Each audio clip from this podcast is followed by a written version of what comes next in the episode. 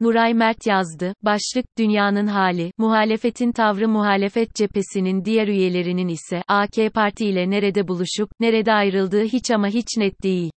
Altılı masada ilkeleri konuşuyoruz, denilip duruyor ve, temiz siyaset talebi malum ama onun dışında ilkeler tam olarak nedir açık değil.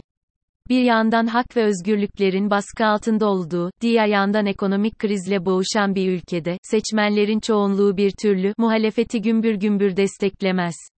Hali hazırda asıl mesele bu değil mi? Ben de bu soruya cevap arayanlardan biriyim ve naçizane görüşlerimi sizinle paylaşmak istiyorum.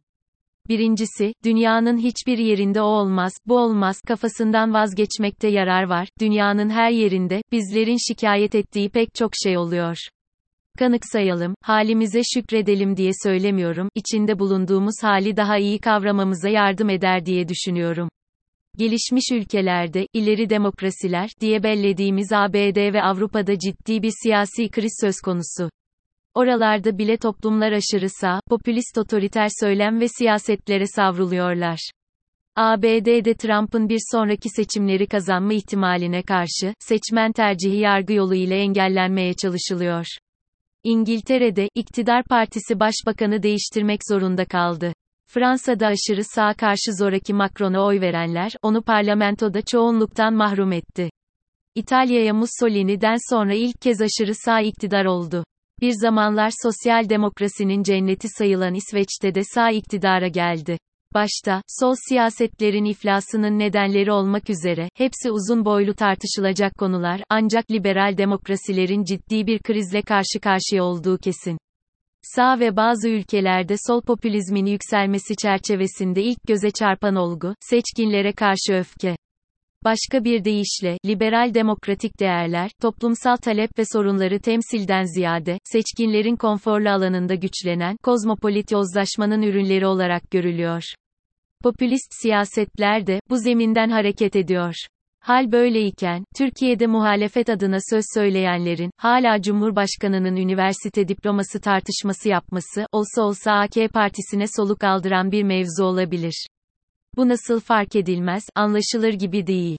Her vesile ile hatırlatmaya çalışıyorum, Türkiye'de başta ana muhalefet partisi olmak üzere, iktidarın dışında kalanlar şüphesiz, seçkinler kulübü, değil, ama vitrinleri hala fazlasıyla, beyaz Türk diğer taraftan, halkın değerleriyle barışmak veya, muhafazakarlara seslenmek, çabası da sıklıkla baştan kaybedilen belli bir dindarlık yarışına dönebiliyor. Oysa, bu ülkede, hali hazırda seçkincilik tınısından uzak bir laiklik savunusuna ihtiyaç var, Kılıçdaroğlu iyi, çevresi kötü, demek istemiyorum ama, CHP çevresinde bu ölçü bir türlü tutmuyor. Muhalefet cephesinin diğer üyelerinin ise, AK Parti ile nerede buluşup, nerede ayrıldığı hiç ama hiç net değil.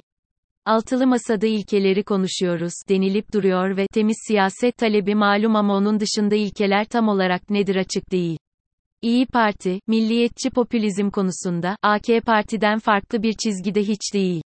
AK Partisi ekonomi mimarlarından Babacan'ın ekonomi konusunda görüşü neoliberal ezberlerden ibaret, nitekim iş gelip Türk lirasından 3-0'ı kimin attığına dayanmış vaziyette.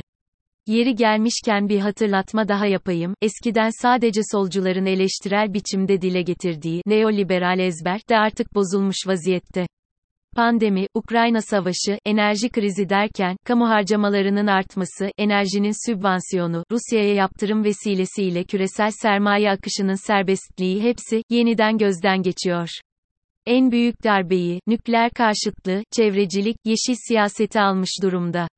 Hatta, kimse kusura bakmasın ama, ABD'de faiz artışının, dünyada enflasyonu arttırma etkisi dolayısıyla, enflasyona karşı tedbir olarak faiz artışı formülü, tartışma konusu oluyor. Yok, Ekonomi Bakanı Nebati'nin tezlerini doğrulamak için söylemiyorum, bu konuların tartışmalı olması başka ekonomi yönetiminin şeffaflığını ve keyfilikten uzak durmasını talep etmek başka konular. Ama, muhalefetin dünyada nelerin olup bittiğinden haberi olması, söylemlerini bazı ezberler yerine, daha ayakları yere basan bir çerçevede kurgulaması gerekiyor. Sonuçta, kulağa hoş gelse de, çoğunluğu muhafazakar olan toplum, halkın değerleriyle barışmak da başka bir ezber. Nokta. Kısacası, muhalefet muhafazakar, dini değerler yerine, seçkinci tınıdan kurtulsa daha iyi eder. Mesele pek çok durumda din değil, Ekmeleddin İhsanoğlu örneğinde bu iyice anlaşılmış olmalı. Mesele sadece ekonomide değil, pek çok durumda, ikisinin bileşkesi. Ekonomi bu haldeyken hala iktidara oy verenler, sızlanmasının gerisinde, hem yoksulsunuz hem aptal tınısı var, gençler Türkiye'yi terk ediyor, söyleminin ardında, sorunlarla mücadele etmek yerine, kendini kurtarma, hevesinin övülmesi gibi bir kekremsi tat var, listeyi uzatabiliriz. Diğer taraftan, dünyanın içinde bulunduğu hal ortadayken, iktidarın Rusya ile enerji anlaşması ekonomiyi kurtarmaz ama, toptan karşı çıkarsanız, inandırıcılığınız zedelenir. Söylemek istediğim bu.